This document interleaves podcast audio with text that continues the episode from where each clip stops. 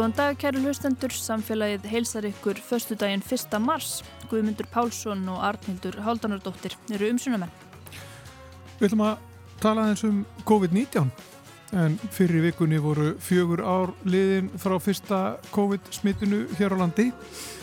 Lára Jóhannsdóttir, profesor í umhverjus og öðlendafræðum, fór fyrir rannsókn á samfélagslegum áhrifum og líðhelsu aðgerðum vegna COVID-19 á vestfjörðum. Hún sér okkur frá rannsókninni og helstu niðurstu. Og þá út í heim, útför rúsneska stjórnarandstæðingsins Alexeis Navalnís fór fram í Moskvu í dag. Hann lést í öryggisfangelsi í Sýberju 16. februar síðastliðin þar sem hann afplánaði langan dó en honum var gefið að söka hafa stopnað og rekið öfgasamtök. Ottur Þórðarsson, fréttamaður, hefur fylst grant með síðan í morgun og hann ætlar að ræða við okkur á eftir. En við byrjum þátt dagsins á hinnu sífinsala dýraspjalli. Vera Ylluadóttir sest hjá okkur hérna eftir örskamastund. Við ætlum að tala um uh, dúfu, frekar en dúfur. Nú horfi ég á veru, hún er sest sem sagt. Ég fór hér með rántmál og sagði hún ætlar að sittast okkur eftir. Hún er sest. Hún er sest. en uh, það, á. Spurning með dúfuna, hvort að dúfuna hún er þetta lindabúsfull hérna á, á svipin hún vera. Þetta er mjög spennandi. En það sem sagt vera Ylluadóttir hér eftir örskamastund.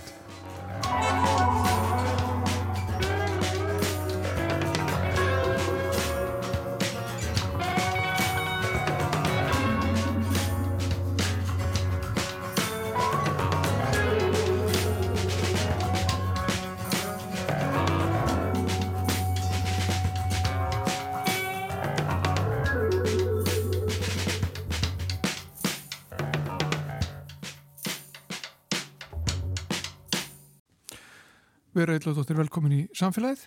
Takk. er þetta dölafullt mál sem við ætlum að tala um í dag í dýraspjallinu? Já, ég myndi segja að þetta sé dölafullt mál, mögulega þó ekki, ekki lengur en var dölafullt uh, um margra mánaða skeið. Mér langar sem sé að reyfa hérna mál uh, ákveðina dúfu, einnar dúfu. Já. Uh, mál sem að ég lág við að uh, hefði geta orðið að uh, heftuðurri milliríkjadeilu held ég að megi segja. En le leistist síðan úr. Þannig er mál með vexti að í mæ í fyrra þá voru varð varðmenn við höfn eina í Mumbai á Indlandi, uh, stóra höfn fyrir flutningaskip hvaðan æfa að, uh, verðir þar á vakt, urðu varir við dúfu sem að þeim þótti á einhvern nátt grunnsamleg, sérlega grunnsamleg. Nú ger ég ráð fyrir að það kannski, kannski sé talsvert af dúfum þannig að Við þessa, við þessa höfn en þessi eina ákveðna dúfa vakti aðteglið þeirra hún uh, lístu í þannig að hún hefði bara verið svona eina á, á ránlega eitthvað ekki með hinnum dúfunum uh, virtist uh, þannig grunnsamlega og svo við nánari aðtugun þá kom í ljósa hún var með tvo málmringi um, um fæturnar einn úr áli og, og, og annar úr einhverjum öðrum málmi. Og síðan þegar þeir litu nánar ána þá virtust vera uh, skrifuð einhvers konar eða stimpluð kynversk tákn á uh, svona neðri hlið undir væng, öðrum vagnum með rauðu bleki og Já. þetta þótti nógu dölafullt til þess að varðmenninni kölluði til rannsóknar laurugluna í Mumbai borg og einn rannsóknarlauglumæður sem verðist hafa farið með rannsóknmálsinn sem er vitna til í fjölmiðla umfyllun og hefur verið núna undanfarið uh, maður að nafni Ravindar Patil sem var fjöxt við rannsóknmálsins og, og kom þarna og, og, og tókst honum uh, með hjálpvarðana uh, nokkuð auðvöldlega að ná þessari dúfu. Og en svo segir hann sjálfur að hann hafi lendi í, í nokkrum vanda því að það er sem sé voru ekki eh, fugglabúr eða neynir svona varðhaldsklefar sér sniðnir að, að fugglum í eh, lauruglustöðinni í Mumbai þar sem, að, þar sem hann vann. Þannig að hann brá það ráð að fara með dúfuna á dýraspítala nokkur í Mumbai borg og fólkstarfsfólkinu þar sem er leiðis að skoða eh, dúfuna og hvort að þau myndu finna einhver, einhver ummerki á henni frekari og komast einhvern veginn að lendarmálum uh, dúfunar en grunurinn sem að strax kviknaði sem sé hjá þessum lauruglumanni og, og fleirum sem að komu að málunum var að þetta væri njóstna dúfa sem að hefði verið send sem sé eins og táknin á vagnum bentu til frá Kína til þess að njóstna um eitthvað á Indlandi. Það hefur verið vaksandi, vaksandi spenna millir þessar að tvekja, tvekja stórvelda að, undanförnu og já, mögulega þessi uh, dúfa sem sé send af kýmverjum til þess að njóstna um eitthvað, kannski skipa komur í, í þessari fjölþjóðlegu höfn eða, eða eitthvað annað slíkt og uh, hljómar kannski uh, heldur fáranleg hugmynd árið 2024 en uh, þetta hefur ítrekka komið upp einmitt á Indlandi. Uh, ég held meira að segja að þetta sé ekki fyrsta sinn sem ég kem í samfélagi til þess að ræða um inderskar njósnadúfur. 2016 þá hann tóku landamæraverðir á landamærum Indlands og Pakistans, Indlands megin dúfu sem að reyndist vera með pappirsmiða bundin á sig þar sem að ávoru ógunandi skil skilaboð hótun til uh, fósættisáþara einlandsna renda móti á úrdú tungumáli uh, sem talað er í, í uh, Pakistan. Og það var þá í raunar í, í annað skiptið á einhverjum, einhverjum vikum sem að, sem að dúfa var, var tekin gripin þarna á þessari landamærastöð sem að grunuð var um annarkort einhvers konar já, stríðsskilaboð eða, eða, eða vera send yfir landamærin uh, til, til njóstna og eh, reyndar eh, held ég að þarna þetta ár 2016 hafi í ljós komið eftir rannsókn á þessum tveimur, tveimur dúfum sem að neftar voru í varðhald að eh, og þar voru gegnum lístar og, og hvaðina til, til að finna út hvort þar voru með einhvern njósna búnað á sér. Uh, svo reyndist ekki, ekki vera og ég veit nú ekki hvernig þessu máli laugöllu hvað varðum um dúfurnar en 2020 þá var aftur uh, handtekinn dúfa á, uh, á Indlandi skamt frá landamærum uh, Indlands og, og Pakistan. Uh, hún var einnig grunuð um að hafa verið sendt í einhverjum annarlegum tilgangi til, til njósna eða, eða annars. Þá kom í ljósa að það hafi verið bara pakistanskur bondi sem átti þessa dúfu og hafi verið að láta hann að flögra þarna til þess að halda upp á íslamskan hátíðisdag. Og, og hún farið vilst eitthvað af leið með, með þessum hætti. En þannig að það kemur uh, reglulega upp á Indlandi allavega sá grunur að njósna dúfur herji á, á landið og gerði sem sé Aftur, aftur þarna. Kannski það sem er, er aðtilsverti í þessu máli er að, er að Mumbai er ekki, er ekki nálagt eh, neinum landamærum, bara liggur að, liggur að hafi en það eru en það eru 1500 kílometrar eh, eða meira yfir til, yfir til Kína sem er talsverð vega lengt fyrir eh, eina dúfu að, að fljúa á, neður þurft að fljúa þetta í, í mörgum áfengum held ég að megi fullir það og, og sömu leiðis mörg hundru kílometra yfir til, yfir, til, yfir til Pakistan. Þannig að svona kannski ólík, ennþá ólíkleira að rekast á, á, á njósnadúfu í uh, Mumbai En hún hagaði sér grunnsamlega? Hún hagaði sér Já. mjög grunnsamlega og eh, rannsókn á dýraspítalanum þar sem, að, þar sem hún lendi, það leti í ljós að þetta var bara hraust dúfa við eh, hestaheilsu eða dúfna, dúfna heilsu og engin sérstök svona ummerki um að þetta væri njóstnari sem að fundust á, eh, á dúfunni sjálfri Og síðan uh, gerist það sem sé að, að starfsmenn á þessum dýraspítala lenda í hálfgerðum vandræðu með, með dúfuna. Þeir viti ekki almennilega hvað er ég að gera síðan við dýrið af því að hún er svo hraust og, og það þykir ekki passa að setja í, setja hana í búr með uh, eh, fugglum sem að þjást af einhverjum, einhverjum sjúkdómum. Þannig að hún þarf að fá sitt prívat búr og fyrir að taka hana svona talsveit pláss sem að hefði verið að nýta fyrir aðra eh, sjúkafugla og eh, gáttu auðvitað ekki, ekki bara sleftinni þar sem að þetta var eh, lauruglumál sem sem að mögulega varðaði þjóðar öryggi eftir því sem að staðsmenn dýraspítalans vita. En þeir lenda síðan í því að lauruglan hefur ekki frekara samband vegna þessarar dúfu og svo líða og býða fleiri, fleiri vikur og og á dýraspítalunum segja menna þeir hafi bara já, beðið fregna frá, frá lauruglu og mögulega haldið að rannsókn á þessu, þessu aðkallandi máli væri bara enn í fullum gangi. Uh, já og svo koma síðan er dregur ekki til tíðinda í málinu í raun og veru fyrir en bara núna nýlega í byrjun februar sem að dagbladið uh, Hindustan Times fjallaði um, um málið og það að, að dýraspítalan í Mumbai siti uppi með þessar hraustu myndu njósnadúfu og hvað er að frétta af þessu máli og þá er aftur leitað til uh, Patils rannsóknulörglumann sem fór með rannsóknmálsins sem að segir í viðtali við uh, New York Times sem að tók málið líka upp að hann sé nú ekki sérlega sjóaður í rannsókn uh, dýraglæpa. Hann hafi bara átt sínu 12 ára ferli sem lögurmaður rannsakað dauðatökja hunda, uh, reyndist hvort uh, málið er endist þar hafa borið að með sagnæmum hætti, það var hundur sem að dóur einhvers konar eitrun og í, uh, í hinu tilfellinu þá var það umferðaslis, engin svona þjóðar örgismál, en hann uh, tók dúpnamálið sannlega förstum tökum og með því að rannsaka þessa járnringi sem að voru á dúfunu og sömulegðis kínversku táknin á, á vagnum, þá uh, komst hann að lokum að því að uh, dúfan uh, átti ættir að rekja til uh, Tæfan og reyndist að öllum líkindum vera einhvers konar kappflugsdúfa notuð í kappflug í dúfna sem að er gríðarlega vinsælt sport í Kína og í Tæfan og kenningin er sem sé að uh, í Tæfan þá eru, þá eru slíkar dúfur látnar fljúa þetta kappflug uh, út á sjó og þessi dúfa hafi þá, hafi þá vilst uh, af leið einhver staðar á hafi úti og ratað mögulega um borði flutningaskip sem séðan sildi með hana til hafnar þarna í, í, í Mumbai.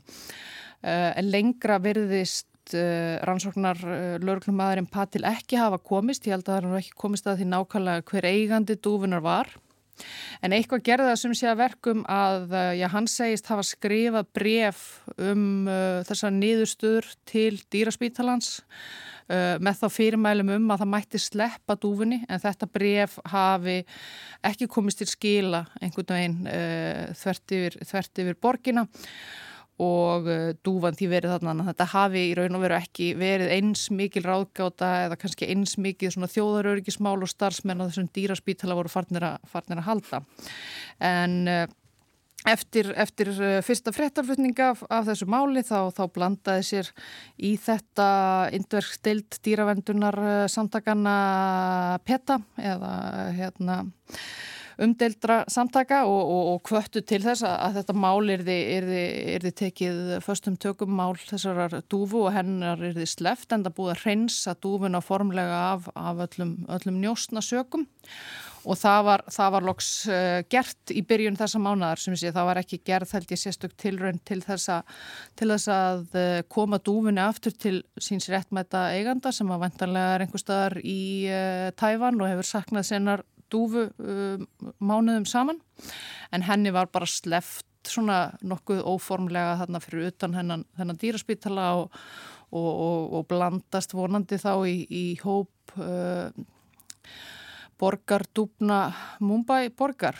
Já. Var hún ennþá við dúbna helsu eftir alla þessar öngu dvöl í búrunu? Uh, já, það verðist vera. Hún hefur nú vendanlega verið orðin eitthvað, eitthvað uh, styrð en uh, hún flög af stað og, og myndir af því að hún hafi, hafi flóið af, af stað en það er þetta auðvitað eru dæmið þess að, að dúfur hafi verið notaðar í, í, í hernaði til þess að bera skilabóð fram og tilbaka í fyrri og setni heimstyrjöld og, og tilraunir verið gerðar oft til þess að nota dúfur sömuleiði sem einhvers konar, uh, einhvers konar njóstnara, láta, þá, láta þær bera njóstna búnað, sé að reyndi þetta og svo framvegis þannig að þetta er nú kannski ekki alveg fjärstaðkendar uh, hugmyndir hjá indverjum og sömu leiðis hefur einnig, uh, e-, einnig verið fluttar fregnir af því að kínverski herin búi yfir þúsundum dúbna sem þeir nota kannski frekar í skeitasendingar heldur en að, heldur en að senda þær til, til uh, annara ríkja til, til njóstna.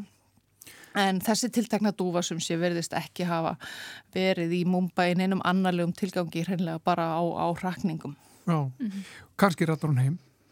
Það er uh, vonandi, rat, vonandi uh, ratar hún heim. Það var nú einhverjir sem að reynda að rekna út hvaða tæki dúfu langa stund að fljúa allalegði yfir til, til Tæfan. Hún myndi þurfa að taka sér nokkrar pásur á, á, á, á leiðinni kemist þetta ekki allt í einni, einni atrennu en það er aldrei að vita þetta eru, þetta eru magnaði fugglar dúfur og geta flóið langar vegalengdir og, og, og dúkað upp á, á ótrúlegustu stöðum mm -hmm.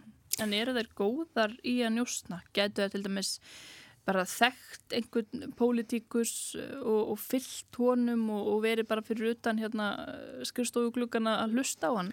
Ég held, ég held nefnilega að þær séu ekkit endilega uh, rosalega góðar uh, til þess að njóstna og ég held að það hafi meðal annars verið það sem að séu komst að þegar, þegar spæjarættir þar reyndu að koma upp einhvers konar dúbna njóstna dild að þetta hendaði ekkit, ekkit rosalega vel og, og kannski ástæði fyrir því að við höfum aðalega verið að nota dúfur til þess að flytja, flytja uh, skeiti en ekki til þess, að, til þess að stunda njóstnir eða, eða svona mm -hmm. sofistikeraðri hernað. Mm -hmm. En það eru dæmi um náttúrulega að dýr hafa verið notuð uh, önnur dýr í þessum tilgangi. Sannarlega og, og, og, og hægt að þjálfa dýr auðvitað, til þess að njóstna og setja njóstna búnað á ímis uh, uh, dýra, við þekkjum það, við þekkjum líka notkun uh, sjávardýra til, til njóstna og, og CIA hefur, hefur prófað ímsar skeppnur til, mm -hmm. til þess að njóstna fyrir sig þekkjum líka dæmi um að, að reynd hafi verið að búa til uh, njóstnara úr köttum til dæmis hjá uh, CIA kettir auðvitað komast hvert sem er og, og vekja sjálfnast uh, grunnsemdir þegar þeir eru á, á flakki og, og það var njóta tröst njóta mikið tröst, það var reynd í kaldastriðinu að setja hlerunabúnað á ketti sem að síðan átti að sleppa nálægt uh, nálægt embættisbústað einhvers, einhvers óvinnveits uh, ráðamanns. Þetta held ég sumleiðis hafa nú ekki gengið alveg eins og sé að menn höfðu hugsað sér en við auðvitað heyrum einungis af uh, mistökunum sem að, sem að síðan eru ofinberðum en við vitum ekki hvort að hvort að kannski uh, kettirnir eða dúvurnar í kringum okkur séu allar með hlerunabúnað á sér. Mm -hmm. hvað veit maður? Þetta minnir á... Nú fer maður að horfa á þetta allt saman í öðru ljósi. Og þetta minnir mig á, á bíómynd sem var gerð um hunda og ketti. Það sem að, að einmitt ímisbúnaður og, og svona e, njósnastar sem er komið sögu en kannski, þetta er ekki þú ert ekki hér sem kvingmyndagagrunandi vera þurfi, kannski ræða það bara síðar. Gaman að fá því heimsóknir svo alltaf. Uh, Takk fyrir komin í samfélagið. Takk. vera.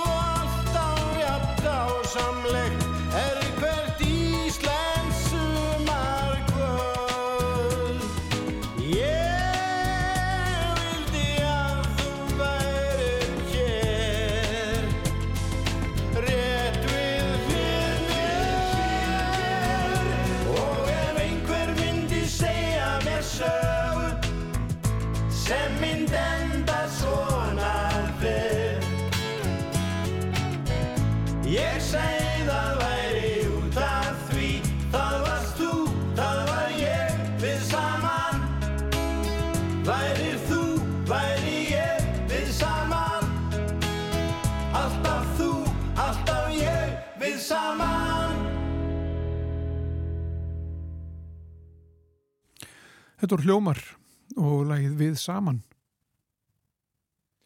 Við ætlum að tala þessum COVID-19 og það var nú í fréttum núna bara fyrir vikunni að það var fjögur ár liðin frá fyrsta smitinu að það greindist hér uh, á Íslandi og þá var þetta nú aðeins rifjað upp í fjölmjölum en uh, það er nú ekki svo langt síðan að uh, það fór hér allt á liðina í okkar samfélagi uh, vegna þessa faraldurs en við erum kannski fljóta að gleyma, ég veit það ekki En hún er sest hjá okkur Lára Jóhansdóttir, hún er profesor í umhverfis og auðlindafræði við Háskóli Íslands, verður velkomin. Takk fyrir. Þú rannsakaðir COVID-19, þar segja samfélagslega áhrif og, og líðheilsu aðgerir uh, vegna COVID-19 á vestfjörðum. Já, það passa. Og þetta er rannsók sem að hófst þarna 2021, ekki satt? Jú.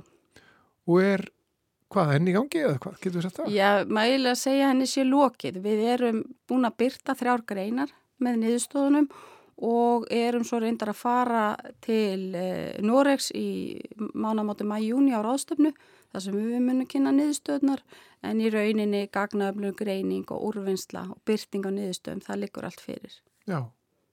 Þetta er hluta af stærra verkefni? Já, þetta er hluta af stærra verkefni. Um, ég hafði áður tekið þátt í, í rannsóknarvinnu með fúlbreytt fræðimennum frá Norðurskjöldsríkjónum og í gegnum þá samvinnu kemur þetta upp að þau fengu styrk frá stjórnvöldum í Kanada til að framkvama svona rannsókn í Norðurskjöldsríkjónum og ég var beðin að leiða þetta fyrir hönd Íslands og fekk til liðs við mig David Cook sem er aðjungt uh, í umhversu öldafræði. Og uh, síðan fengum við líka síðar uh, fjóra hérna, meistara á doktorsnuma með okkur í þetta verkefni. Þannig að já, við sestu, settum bara saman rannsókn teimi hérna á Íslandi og tókum þátt í þessari heildaransókn Já, og við munum sko að eins og reyndar landið allt þá var eh, voru vestfyrir dálitið í fókus þarna á ákunnu tímabili eh, í, í COVID. Það var þarna, já, til dæmis það kom smitt eh, umborðið tógara eh, sem að vakti mikla aðtegli og, og var mikið fjallað um. Já. Og svo náttúrulega kom upp dálitið alvarlegt ástæð þarna á hjókunarheimilinu. Já.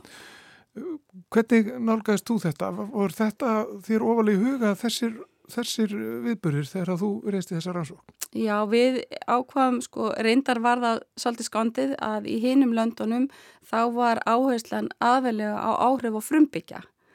Og þegar þetta erindi kemur mín að þá hugsa ég með mér, ok, við erum alltaf ekki með frumbyggja á Íslandi, ekki samkvæmt svona því sem að, að aðri skilkirina þá hópa, þannig að við vildum allavega að skoða áhrifum en annars er á höfuborgarsvæðinu og við settumst bara yfir það hvað, hvert eigum að fara, hvað eigum að taka viðtöl, datt í hugþórsöfna langanesi eða strandir eða hvað það var. En svo þurfum að fóra að skoða hvar hafði orðið smitt, hvar var urðum en að taka á þessu að þá náttúrulega eins og þú segir vestfyrðir komið þar upp.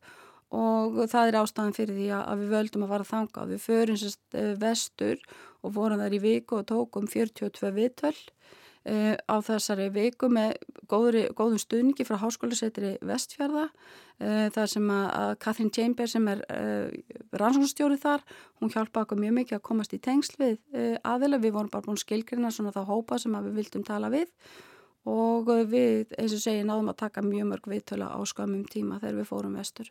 Og ég held líka að tímabúndurinn hafi verið mjög góður, þetta er cirka einu og hálfu ára eftir að þetta hefst hérna á Íslandi og þá er komin uh, svona ákveðin fjarlægð frá þessu en fólk var samt ekki búið að gleima og ég held að sá tímabundur hafi verið mjög góður það varst ekki alveg í auka stómsins en enga síður þá varstu heldur ekki búin að gleima miklu eins og þú segir það fennir mjög fljótt yfir.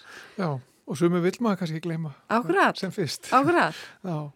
Og, og þessi rannsók fer þannig fram að þú talar þarna, eða þið talir þarna við þennan hóp fólks Já. Og þetta er, þetta er hópur sem er svona kemur víða að úr, úr samfélaginu. Já, algjörlega. Við tölum við e, frá stjórnvöldum, sveitastjóra, við tölum við frá heilbríðsífildum, eh, löggæslunni, eh, fyrirtækja, fólki fyrirtækja, rekstri, tengt háskólasetrinu, leikskólum, skólum, bara og, og, og þá sem voru að reyka lítil fyrirtæki, og bara vitt og breytt úr samfélaginu sem við töluðum við fólk. Já, og hvað getur þú dreyið svona saman fyrir Já, það okkur er, það er mjög margt. það er mjög margt og, og það sem var kannski áhugavert við spurðum ekki bara um hvað var erfitt og, og svona allt í kringum það. Við líka spurðum svona hvaða lært og mátti draga þessu hvort það hefur eitthvað jákvægt líka. og slíkt vegna þess að það kannski gleymist þegar við erum að glýma við einhver áföll. En það var mjög margt þar sem að og kannski það sem kom mér svona meira óvart heldur en annað.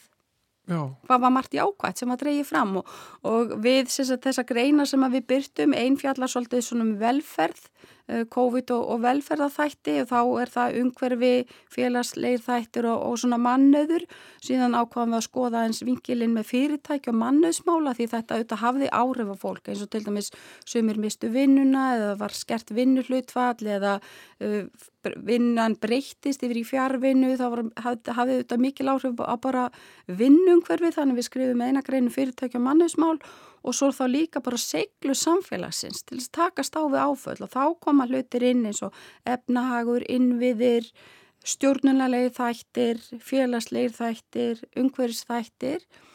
Og þessir umhverfisþættir komu þetta bara mjög skemmtilega fram að það voru svo margir sem að nefndu mikilvægi bara náttúrunar fyrir andlega heilsu og velíðan og geta farið út og hreift sig jafnvel þó að þú mættir ekki hitta fjölskyldu eða vini eða nágranna þá gastu mistkustu farið út og hreifti og það var dreigi bara mjög skýrt fram hvað þetta hafði mikið að segja varandi hvernig fólk tókst á við e, þessar aðstæður. Svo er annað sem ég var að hugsa líka sem að mér fannst svolítið skondið svona eftir á að higgja að það voru eiginlega, sko fólk var ekki að barma sér svo mikið sjálf. Það var yfirlt að benda þá einhverju aðra sem höfði það verra.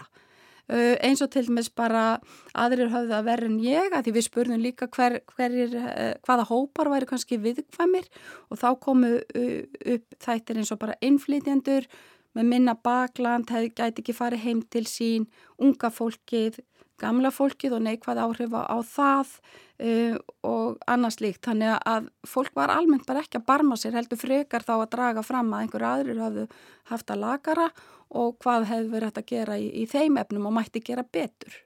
Rýmar þetta við svona það sem að, að þið áttu vona á? Gerðu, gerðu þið ráð fyrir uh, þessu til dæmis eins og með mikilvægi náttúrunar uh, fyrir... Ekki endilega fyrir, fyrirfram að við hefum verið búin að hugsa það sérstaklega skýrt. En ef maður horfir á svona greiningalíkunni eða ramma sem maður getur nota til þess að, að greina svona niðurstöður að þá er náttúra, umhverfislegir þættir eru þar oft inni eða yfirleitt inni. Þannig að auðvitað þegar við förum að skoða með þeim glerugun og þá koma þessi þættir fram. Um, þannig að við vorum kannski ekkert endilega, ekki ég allavega búin að hugsa þannig sérstaklega stert að, eða draga, já, setja mig í þau spór að þetta myndi koma fram með svona sterkum hætti. Og þetta rauninni tala líka inn í niðurstu frá hinum löndunum. Það er bara náttúrann spilar stort hlutverk í þessu ástandi að takast á við svona áföll og þetta er eitthvað sem að heilbríðsig vel ganski gætu hort til sem svona forvarna þátt og bara, já, ég hjálpa fólki að takast á við hlutina. Og við erum kannski sjá það einmitt alltaf meira og meira og, og, og svona og víðar að hvernig aðgengja náttúru og, og vera í, í umhverfi sem að í náttúrulegu umhverfið, maður getur sagt það hvað Já. það skiptir miklu máli. Já og þarna var náttúrulega verið að tala bara um nálaði líka við náttúruna fólk var bara komið út í neyri fjöru eða upp í fjalli eða eitthvað, þú veist bara á fimm minútum og mm. þessi nálaði var uh, dregin mjög skilt fram en svo var líka sko komið fram svona mismunur á milli þess að við hefum séð frá hinulöndunum eins og til dæmis bara tröst á stjórnvöldum hér sem að var ekki að koma fram eins og í bandaríkjónum Þar, og það skiptir líka máli hvernig tekist á við svona áfall. Að við höfum trú á stjórnvöldum hvað þau eru að gera, stefnunar og fólk sé að fylgja þessu og þetta var tengt líka við bara svona kjarnan í okkur Íslendingum, menningu og slíkt og líka að jáfnvel þó hefur komið fram til í viðtölum við þá sem stjórnuðu fyrirtækjum að þau hefur kannski ekki verið undibúin fyrir þetta eða haft einhver plön til staðar að þá enga síður þessi óblíða íslenska náttúra og þekking sem að við höfum dreyið að sem íslendingar af slíku að fást við uh, þessi áföll, þetta er eitthvað sem hjálpar þegar eitthvað af þessum toga kemur upp. Þú nefndir aðan sko að það er, það er húttakið segla. Mm -hmm. Getur þú aðeins svona satt okkur betur frá því? Já, það er í rauninu svona segla fælst svolítið í því að e, þegar að koma, hvernig við í rauninni komum tilbaka ef við lendum í einhverju, hvernig náum okkur á stryk eða, e, já, ef, ef við lendum í áföllum og þessi bara að gefast ekki upp, halda áfram og, og finna lausnir og, og já, bara koma tilbaka eftir áföll og það er svo margt sem að hefur áhrif á þessu seglu. Það var til dæmis bara efnahagur, bæði samfélagsins og einstaklingana, atvinnan uh, er partur af seglunni og þetta er erfiðara hjá fólki sem misti vinnuna eða var með skertartekjur og svo framvegist.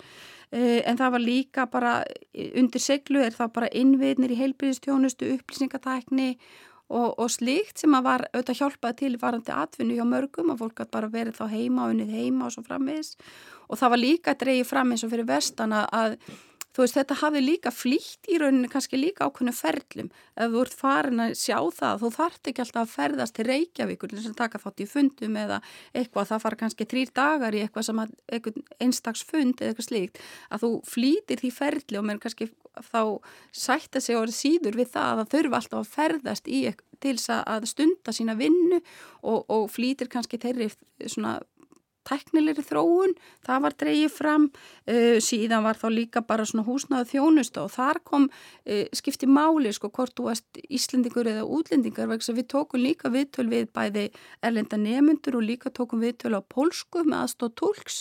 Uh, að til dæmis sjá Íslendingu sem að búa fyrir vestan búa vel eða hafa aðganga sumabústað eitthvað svoleiðis, það var í betri stöðu heldur en til dæmis nefnendur sem byggju margi saman í, í húsnæði uh, og var erfiðar að einangra sig ef eitthvað kom upp á smitt og slíkt og það var engin sóttvarnar um, einhver sóttvarnar ráðstafnar, þau eru bara að finna út úr svona hlutum sjálfur, skólinn og, og þá nefnendunir, þannig að en þetta hefur auðvitað áhrif á segluna líka og svo voru svona stjórnunalegi þættir eins og bara hvort það voru áallandir staðar, stefnur og þjónusta hvaðan koma tilskipanir er að fylgja því sem er sagt fyrir vestan eða, eða frá Reykjavík eða bara eins og til dæmis e, fyrir pólverjana hvaðan voru þeir að fá upplýsingarnar voru, þeir, voru upplýsingar til dæmis aðgengilegar á öðrum tungumálum en íslensku.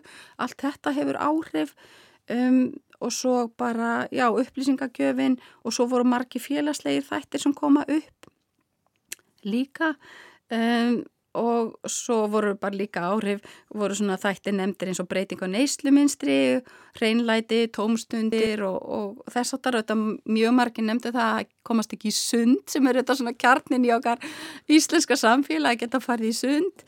Það var, mjög, kom mjög oft upp og svo þetta bara misviðkvæmir hópar fyrir þessu ástandi og svo þetta þessir umhverslið þættir, allt þetta hefur áhrif á seglu. Já. Það var hann að á, á sama tíma voru, voru gerð þessi sjómanstættir, stormur sem við, sem við þekkjum. Já.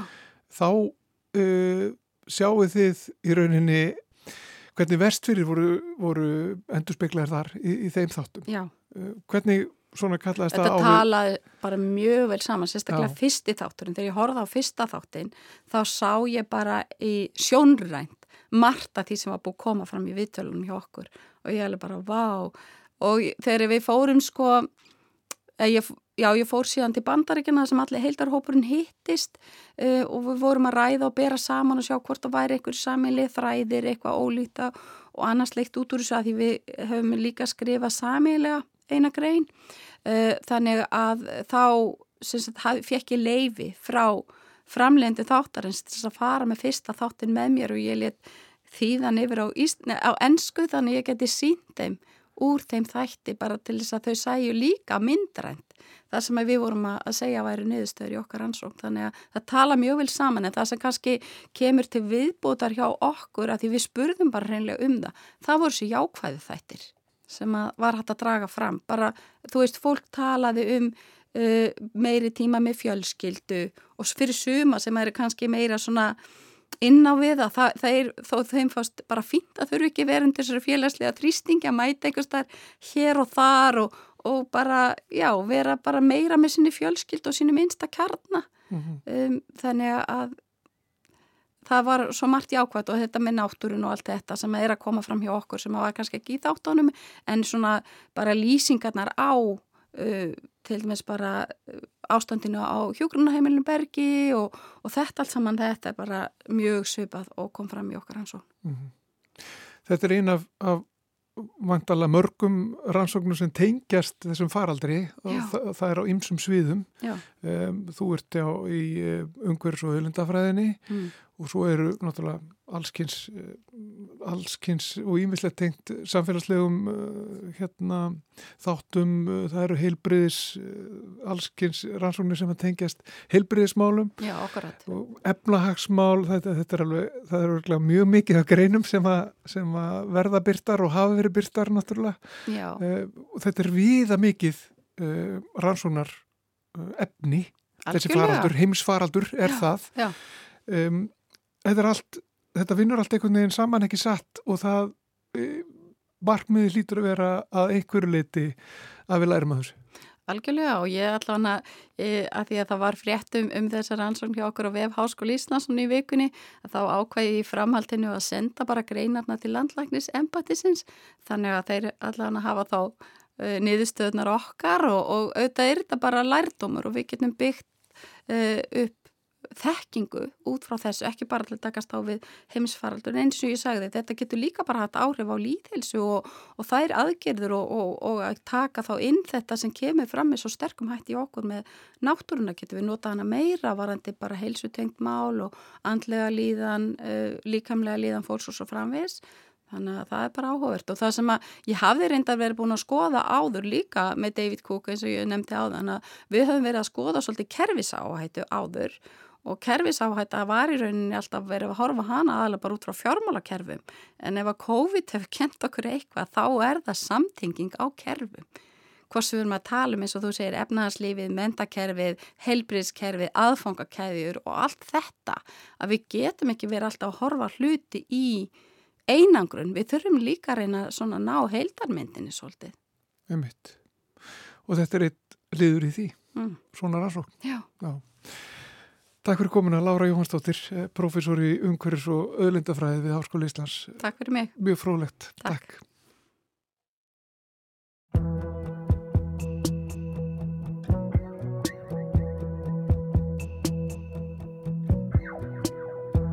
I'm such a bore, I'm such a bummer There must be more behind the summer I want someone to make some trouble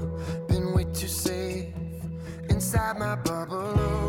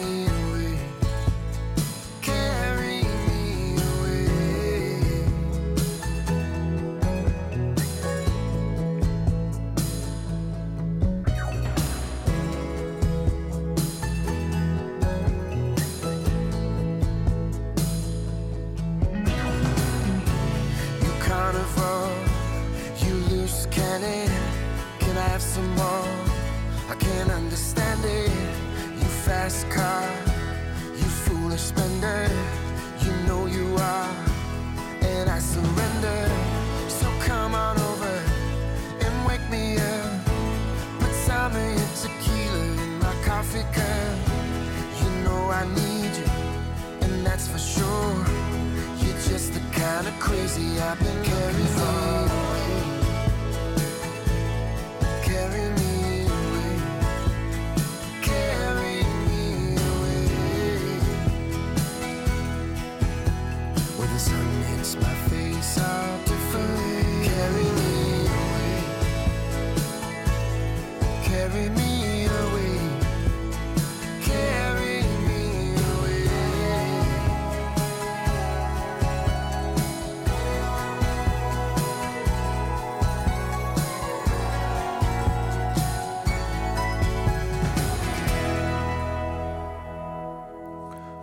Þetta er John Mayer og lag sem heitir Carry Me Away.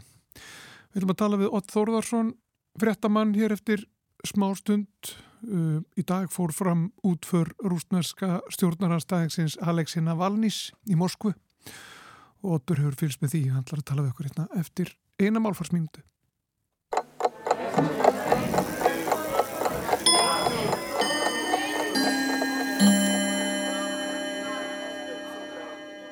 Forskeitið ó getur snúið merkingu orðs við, til dæmis í orðapörunum líklegt, ólíklegt og sjaldan, ósjaldan. Því ætti að duga að nota annað þessara orða eftir því hvort útkoman á að vera játandi eða neytandi. En málið er ekki alltaf raugreitt, hvað þá einfalt. Því er hægt að nota tvöfalda neytun til að fá jákvæða merkingu, svona eins og tveir mínusar gera eitt pluss. Í þessu tilviki með orðinu ekki. Þó er blæbriðamunur á að sleppa fórsketinu og að nota það með ekki. Ef ég segja að það sé líklegt að því komi, eru talsverðar líkur á því. Ef ég segi það ólíklegt, eru frekar litlar líkur. En ef ég segi að það sé ekki ólíklegt að því komi, eru meiri líkur en minni á því, þótt að sé raunar alveg óvíst.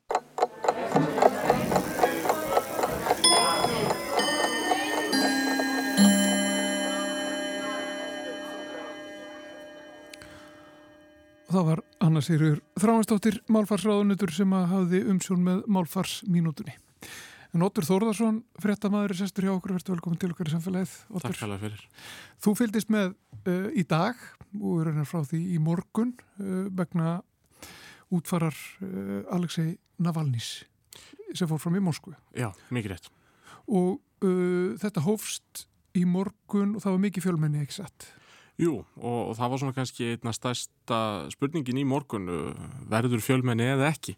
Hversu margir láta sjá sig og hversu margir þóra hreinlega að uh, leggja leysin að kirkjunni, þar sem að uh, Navalni var í allsvongin til þess að svona vottónu vinningar svona ofnbörlega. Af því að við höfum séð það eftir að Navalni dó að það er ekki eitthvað sem að hægt er að gera án þess að eiga það á hættu að vera mögulega handtekinn eða eiga á hættu einhvers konar afskipti lauruglu og uh, það er eiginlega það sem að mér finnst standa upp á þessu daginn. Laurugla hefur ekki mikið verið uh, að skipta sér af stuðnismennuna valni sem að hafa fjölmynd bæði að kirkjunni þar sem hafa jarðsvöngin og í kirkjugarðin þar sem hafa jarðsettur og við erum að tala um hundruð, jafnvel þúsundi manna uh, sem að hafa svona þórað, eins og ég segi, að leggja leið sína á þessu tóstaði til þess að sína stuðningi verki og, og votta honum og fjölskyldans virðingu sína og það þarf eiginlega bara ótrúlega tugur ekki til þess að gera þetta. Já, það var talað um það sá ég í fjölmiðlum að sko sorgin hafi reynst óttanum yfirsterkari við þessar aðstæður. Já, uh, stuðnismenn af allinsins sem að treystu sér til þess að ræða vestrarna fjölmjöla í morgun sem að svona gátu þarna uh, aðtarna sig með einhverju móti. Uh, þeir sögðu að þeir hafi sumir og margir hverjir verið hrættir í morgun þegar þeir lögðu af stað. En síðan séð hversu margir aðrir voru líka þarna komnir og, og fundi styrk í fjöldanum má segja. Og, og, og svona fundi styrk til þess að rópa og kalla uh, Navalny til stuðnings og, sína stuðningi verki. Fólk sem að kannski var loðandur hætt fyrir að laða stað um morgun. Uh, og margir reyndar sögðu að það væri uh, engin tilfinning jefn sterk eins og þú segir og, og uh, sorgin og óttin væri alls ekki jafn mikill og, og, og uh, sorgin eftir fráfallna valnís og, ég held að bara reyðin og, einmitt sorgin hafi svolítið svona drifið fólk af stað þótt að sé kannski hrætt um örlög sín ef að það votta veiningu sína ofnbella. Og það var mikil viðvera lögreglu þarna við kirkjuna og, kirkjugarðin. Já, uh, fleiri uh, sko týjir lögreglumanna, jafnvel hundruð held ég, uh, með myndir sem ég sá í morgun. Sérsveitir, vopnaðar sem, a, sem að fylgdust þarna með grímuklæti lögreglumenn, gráir fyrir játnum og eins og segið, það var alveg merkilegt með að við þær myndir sem hefur séð frá Rúslandi undanfærin ár, þar sem er mótmælendur þeim er kift úr mannfjölda og, og, og, hérna, og, settir upp í lögreglubíl og, teknir höndum. Lögreglega stóð bara og ger ekki neitt og hvort að það sé vegna þess að yfirvöld vilja svona láta lítið útferðar að þessi aðtöp skipti einhver máli eða vegna þess að yfirvöld þóra ekki að aðhafast eitthvað, það er erfitt að segja. En mér finnst það eins og segi, ég að standa upp úr þetta daginn að lögregla stóð bara hann og fylgist með og gerði ekki neitt. Já, engar handtökur ekki dóðbildi að þér virðist sko. Uh, kannski eitthvað örlítið. En svona í það heila þá hafði lögreglega eiginlega bara engin afskipti af þessari aðtöfni í dag Stuðnismenn Navalnís hafa uh, látað því líka að hann hafi bara verið myrtur uh, er það rannsakað eitthvað og, hvernig stendur það? Er, er verið að rannsaka það? Þykir tílefni til þess? Uh, já, það var rannsakað sko, Putin er mjög í mun að manni finnst að láta líta út fyrir að það sé líðræði í Rúslandi með öllum þeim stopnunum sem til þarf til þess að stopna líðræði og það fungeri vel. Og þess vegna var þetta rannsakað af dómstólum og yfirvöldum og það fóð fram krupning og annað svona eins og búast má við þessi gert. En hvort það sé síðan marktakandi á niðurstuðu alls þessa er síðan annar mál. Uh, stuðnismenn afalinn segja bara já, hann var ráðin og dögum. Yfirvöld segja hann hafi bara veikst ég vil fengi blóðtappa. Þannig að hann var krufinn og líki var skoðað og, og það var gerð einhver rannsókn.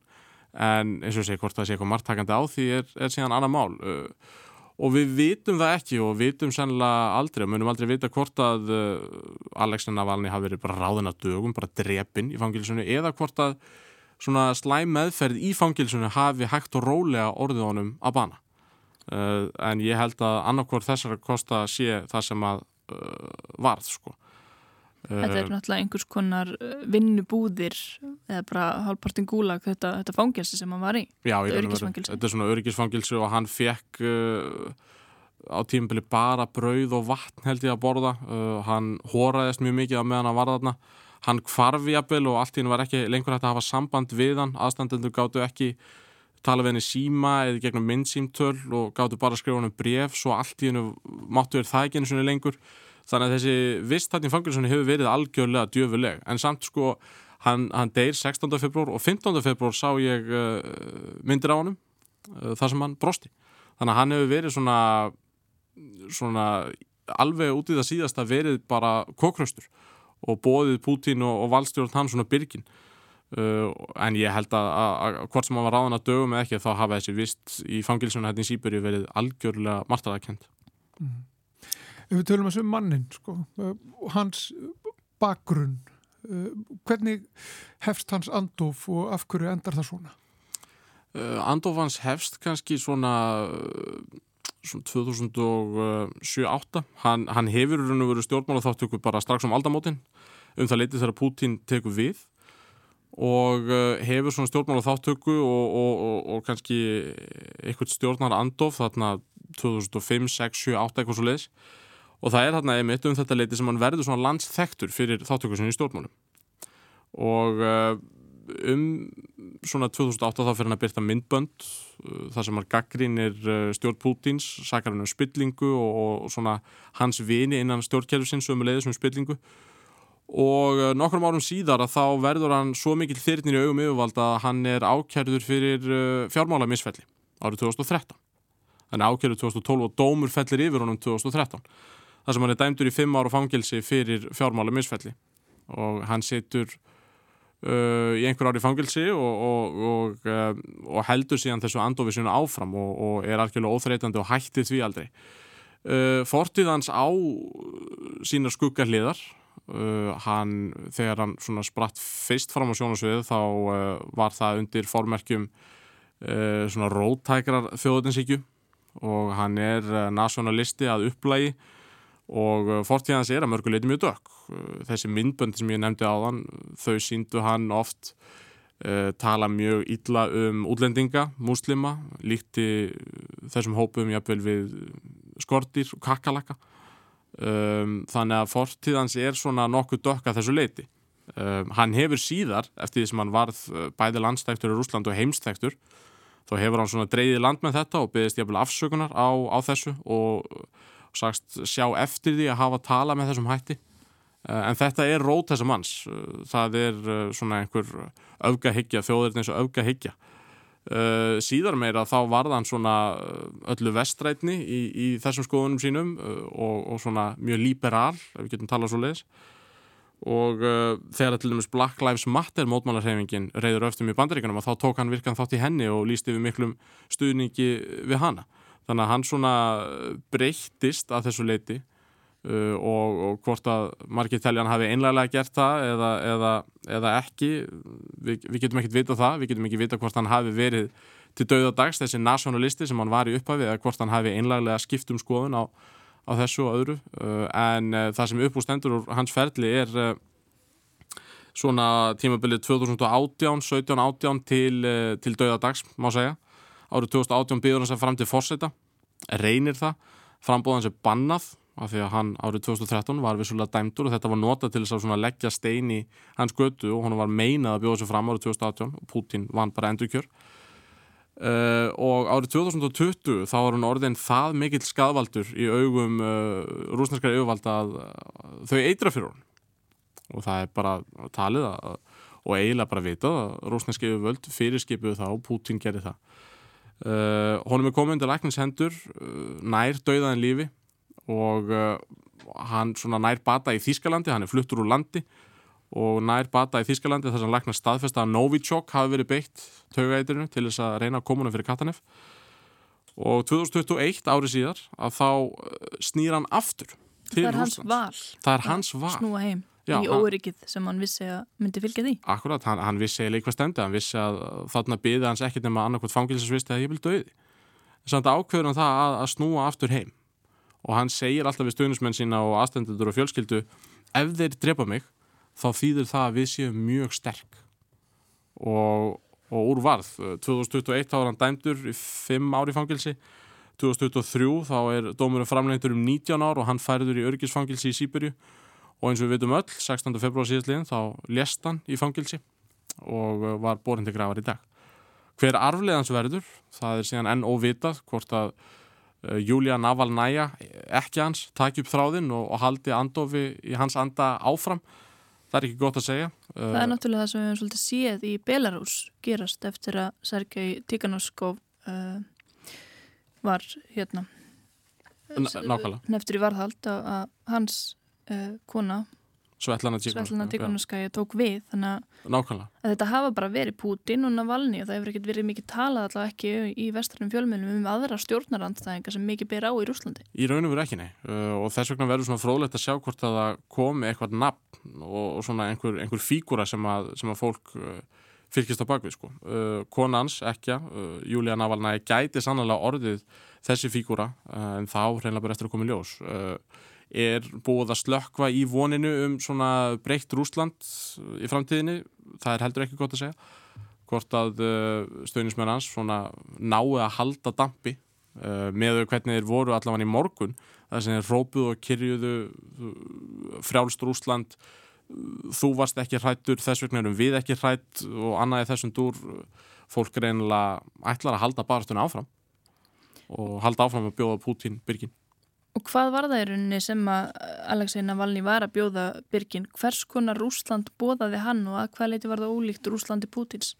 Uh, það var frjálst og líðræðislegt það er Rúsland sem að Navalny bóðaði uh, og uh, Rúslandi er einræðisríki í dag Vladimir Putin hefur gert Rúsland að algjöru einræðisríki eftir að Sovjetríkin fjallu þá varð Rúsland auðvitað líðræðisríki, það voru hérna kostningar þó svo að uh, spilling í þessu valdatómu sem myndaðist eftir að Sovjetríkin fjallu náttúrulega grasseraði allstaðar í landinu. En það var líðræði, en í dag er þetta bara einræðisríki Vladimir Putins Uh, Navalny vildi koma honum af stalli og, og uh, stopna líðræða nýju og, og breyta Rúslandi í svona líðræði samfélag. Uh, hvort að það takist nokkuð tíman það er ómögulegt að segja en þetta var í grunninn það sem hann vildi og, og Rúsland er já svona bara með já hvað er Rúsland og, og Belarus kannski einu, tvö einræðisríkin sem eftir eru í Európu og og bara haga sér eins og þau vilja. Rúsland ríðast inn í Úkrænu fyrir tveimur árum síðan og, allir döða og eðilegningu þar. Navalny talaði gegn þessu hann talaði alltaf gegn stríðinu í Rúslandi nei, í Úkrænu segi og, og bóðaði svona frjálsara, opnara Rúsland þar sem að fólki í landinu gæti valið sér leiðtóa til þess að fylgja Mm -hmm. Og tilfinningarnir í dag, það er ekki svartnætti, það er einhver von og, og baráttu vilji þrátt fyrir fráfall þessa stjórnarnastæðings. Algjörlega uh, og, uh, og uh, eins og segi, sko, Rúsland er í raun og veru þannig ríki að, að það virðist vera líðræði en, uh, og Putin er mjög í mun að allt lítið rosalega vel út. En það er ekki líðræðina, þetta er einræði. Og, og hvort að sko það sé hægt hreinlega að uh, svona koma á koppin einhvers konar öllum, stjórnmála öllum til þess að bylta ástandinu það er líka mjög erfitt. Þegar þú býrði einræðis ekki hvernig ætlar að koma á líðræði Já, alltaf hættan þetta sækja sama farið Akkurat, Aftur. ég heyrði einhvern veginn að lísta að í Rúslandi væri ekki spilling heldur að kerfið væri spilling og uh, þess vegna er kannski erfitt að koma á einhvern jákvæðum breytingum í landi þar sem að kerfið er spilling. Og kerfið er ekki spilt. Og kerfið er fólk, þannig að það er líka svona... Nákvæmlega, þannig að þetta, þetta er mjög erfitt og þetta er mjög snúið og það er risastort verkefni sem býður stuðnismannar Navalni sem að eru enn í sárum eftir fráfallans en, en, en þurfa að, svona, að taka upp þráðin og, og halda áfram ef þeir ætla að breyta einhverju í, í Rúslandi. Kanski bara örstu til okkur það, það að kjósa fórseta í Rúslandi núna bara til nokkra daga. Já, uh, og það verður eins og ég segi sannlega kostning sem að lítur út fyrir að vera líðræðislega en er það ekki og Vladimir Putin mun hafa sigur og, og tryggja sér endurkjör. Hann settist á fórstættstól árið 2000 um aldamótin uh, og tók sér vissulega hlið og varð fórstættisráðara og síðan aftur fórstætti en ég held að hann geti bara setið á stóli eins lengi og hann vil sko. Og heilsan leifir. Akkurat, Mm. nákvæmlega. Óttur Þórðarsson, fyrirtamæður, takk fyrir komuna í samfélagið. Takk fyrir mig. Og með þessu ljúkum við samfélaginu þessa vikuna. Já, Í dag er förstu dagur, þannig að það er helgin er framöndan. helgin er framöndan, við verum hérna aftur á mánudaginn, þannig að bara njóti helgarinnar. Guðmundur Pálsson og Arnildur Halldórsdóttir þakka fyrir sig. Verið sæl.